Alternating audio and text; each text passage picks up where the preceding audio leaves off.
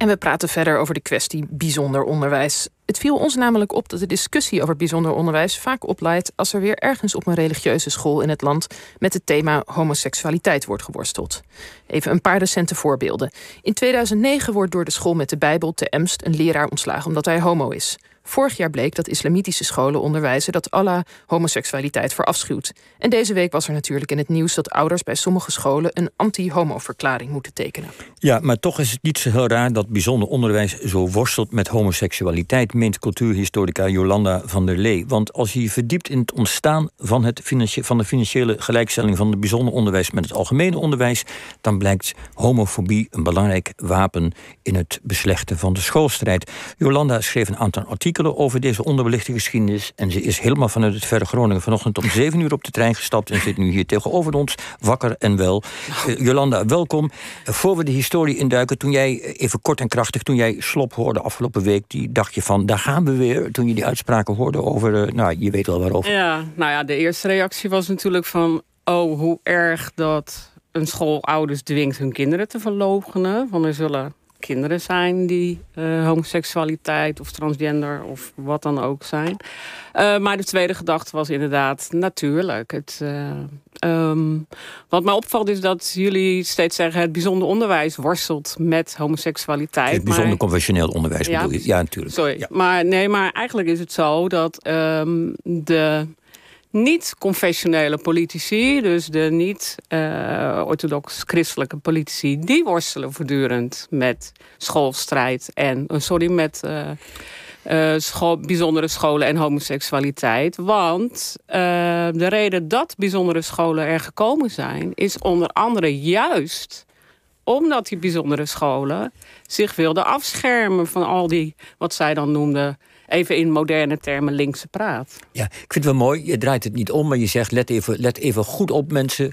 Wat hier echt aan de hand is, het is namelijk niet alleen dat die scholen, christelijke scholen, moeite hebben met homoseksualiteit. Maar het is ook het grote probleem dat de liberalere en niet-christelijke politici, et cetera, eigenlijk niet een, een houding weten. Hoe, worstelen met hoe gaan we hier nou met dit probleem, maatschappelijke probleem, om wat al 100 jaar bestaat. En langer zelfs al. Want laten we de feiten even op een rijtje zetten. Grondwet artikel 23, dat stamt alweer uit 1917. Dat bepaalt dat de overheid niet alleen openbare scholen bekostigt, maar ook scholen met een levensbeschouwelijke of pedagogische grondslag, dus ook de conventionele scholen. Dat was de uitkomst van een jarenlange schoolstrijd. Ik weet niet of we het daar allemaal over moeten hebben. Uh, ik denk het eigenlijk eerlijk gezegd maar niet. Het, het, het, het heeft lang bestaan, dus de hele 19e eeuw over uh, gedonderd. Nou, en, en Abraham Kuyper, noem de hele zooi maar op. Iedereen met elkaar in gevecht. Mag het wel, mag het niet. Uiteindelijk is het besloten dat het mocht bestaan, dat bijzonder onderwijs. En in 1917 zegt de overheid dan, wij, uh, wij betalen dat met de beroemde uitruil van dat de conventionele akkoord gaan met het uh, gewone algemeen kiesrecht. Mm -hmm. um, nu heb ik een heel verhaal gehouden. Ja, het woord homoseksualiteit is nog niet gevallen. Wat heeft homoseksualiteit te maken bij, met die bijzondere gelijkstelling? Want jij zegt dat speelt een rol. Ja, nou dan moet ik toch heel even terug uh, naar iets eerder dan 1917. 1917 was het slotstuk van een decennia lange schoolstrijd die ik verder niet heel uitgebreid zal behandelen. Maar wat een heel belangrijk punt in die schoolstrijd was, was de juridische gelijkstelling van bijzonder onderwijs en de financiële gelijkstelling. Juridische gelijkstelling wil zeggen dat bijzonder onderwijs, en dan, moet je bijvoorbeeld denken aan de bijzondere universiteit, de Vrije Universiteit, die door Abraham Kuyper zelf gesticht was. Die mocht wel uh, studenten hebben maar wilden die studenten promoveren, dan zouden ze toch, om die titel te verdienen, moesten ze toch naar de van Gods los gezongen Universiteit van Amsterdam. Althans, dat zijn niet mijn woorden. Maar dat was de overtuiging van de zeer orthodoxe politici die er ook waren. En een, um, toen Abraham Kuyper zijn kabinet kreeg in 1901, sorry, eind 1901, begin 1902, toen trad hij aan. Was ook een van de eerste voornemens die hij in de opening van het parlementair jaar uh, zei van wij gaan nu de bijzondere scholen voorrang geven. Die gaan we dezelfde rechten geven. En in de debatten, hij heeft daar toen gelijk een onderwijswet voor geformuleerd. En in de debatten over die wet, de wet hoger onderwijs, was een van de belangrijkste kernpunten dat de Vrije Universiteit het recht kreeg om studenten te laten promoveren. Nou, daar werd natuurlijk heftig over gedebatteerd. En uh, een van de argumenten die dan door Kuiper worden aangehaald, is dat hij een lezing heeft uh, gelezen die in Amsterdam gegeven was door een arts die verbonden was aan de Universiteit van Amsterdam. En die arts, dat was de arts Aletrino. Die gaf ook uh, colleges aan Amsterdam. Maar in die lezing had Aletrino als roepen in de woestijn, kan ik wel zeggen de supermoderne theorie verkondigt dat mensen die van mensen van hetzelfde geslacht hielden, um, geen zieke mensen waren, geen gekke mensen waren, maar volkomen gezonde mensen. Sterker nog, mensen waar je misschien zelfs wel iets van kon leren qua beschaving. Nou, Kuiper kwam die lezing ten gehore en die citeerde in de debatten waarin hij zijn wetsvoorstel moest verdedigen. Um, citeerde hij volop uit die lezing om aan te tonen hoe verschrikkelijk, nou ja, bijna ontaard het onderwijs dus in Amsterdam kon zijn. Als een dergelijke lezing door een docent van zo'n universiteit werd verkondigd. Nou ja, dan zou je zeggen van, nou ja, so what? Maar de afkeer van homoseksualiteit in die tijd was zo verschrikkelijk groot dat niemand daar een weerwoord op had. Het links toen de tijd, dat waren de liberalen en de socialisten die vonden het net zo afgrijzelijk als de orthodox christenen. En ze konden dus uh, Kuiper niet tegenspreken daarop. En omdat hij dat argument hanteerde, kon Kuiper dus aantonen van joh, willen wij onze kinderen beschermen tegen uh, dit soort uh, verschrikkelijke denkbeelden, hebben ze recht op hun eigen scholen, op hun eigen universiteit. Ja, dus hij, hij maakte, excuses, hij maakte de slag van het hoger academisch onderwijs naar het lager en middelbaar onderwijs. We moeten overal zorgen dat dit soort verkeerde ideeën geen ingang vinden. En daarvoor moeten we onze eigen scholen hebben. Dus hij zette het op die manier in voor de, de schoolstrijd. En dat is dus precies wat jij eigenlijk al eerder zei. Toen was al het argument: we willen onze kinderen beschermen van dit soort denkbeelden. Op dezelfde manier dat het dus nu eigenlijk ook zo is. Precies. Dus de, de, een van de bestaansredenen natuurlijk. Het is niet de enige reden, maar dit was een van de thema's. Ehm, wat uh, aangevoerd werd van dit is de reden voor ons om ons eigen onderwijs te willen. Wij hebben het recht om onze kinderen op te voeden in onze geest. Ja. En onze geest was dan orthodox christelijk. Ook orthodox, echt zwaar katholieken natuurlijk. Hè, die waren natuurlijk ook bij.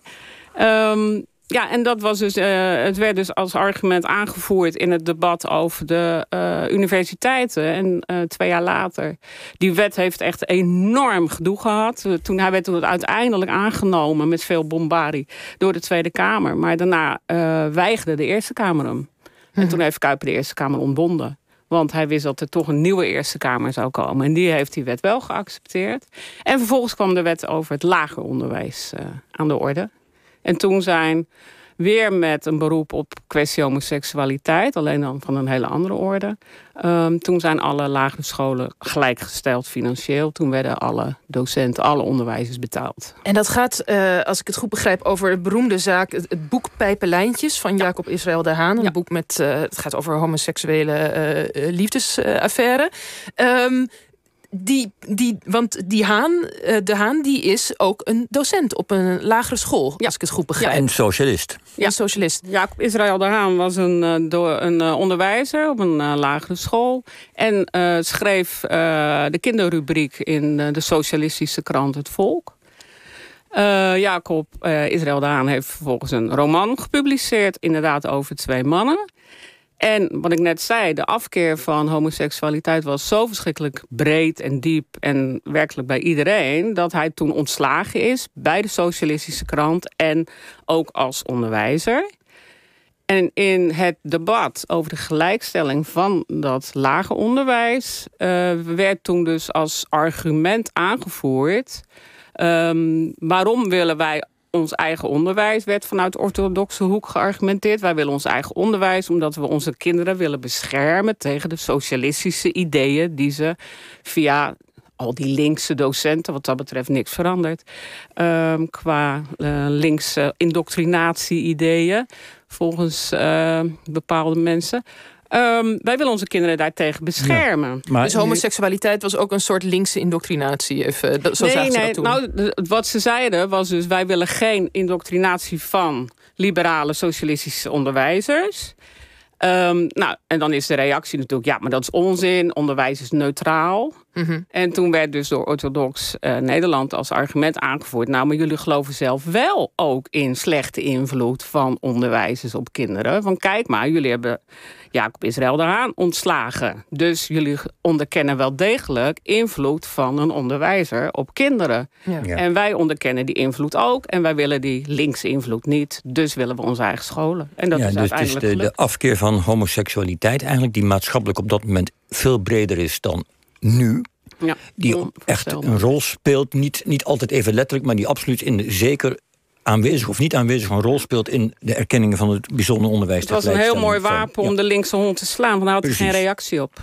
Als we nou even de stap naar het nu maken, er is nu weer discussie over het artikel 23. Ze willen er weer aan, of ze, de politiek willen weer aan gaan slijpen. Er komen, eh, geloof ik, eh, eind deze maand, eind december komen daar moties voor.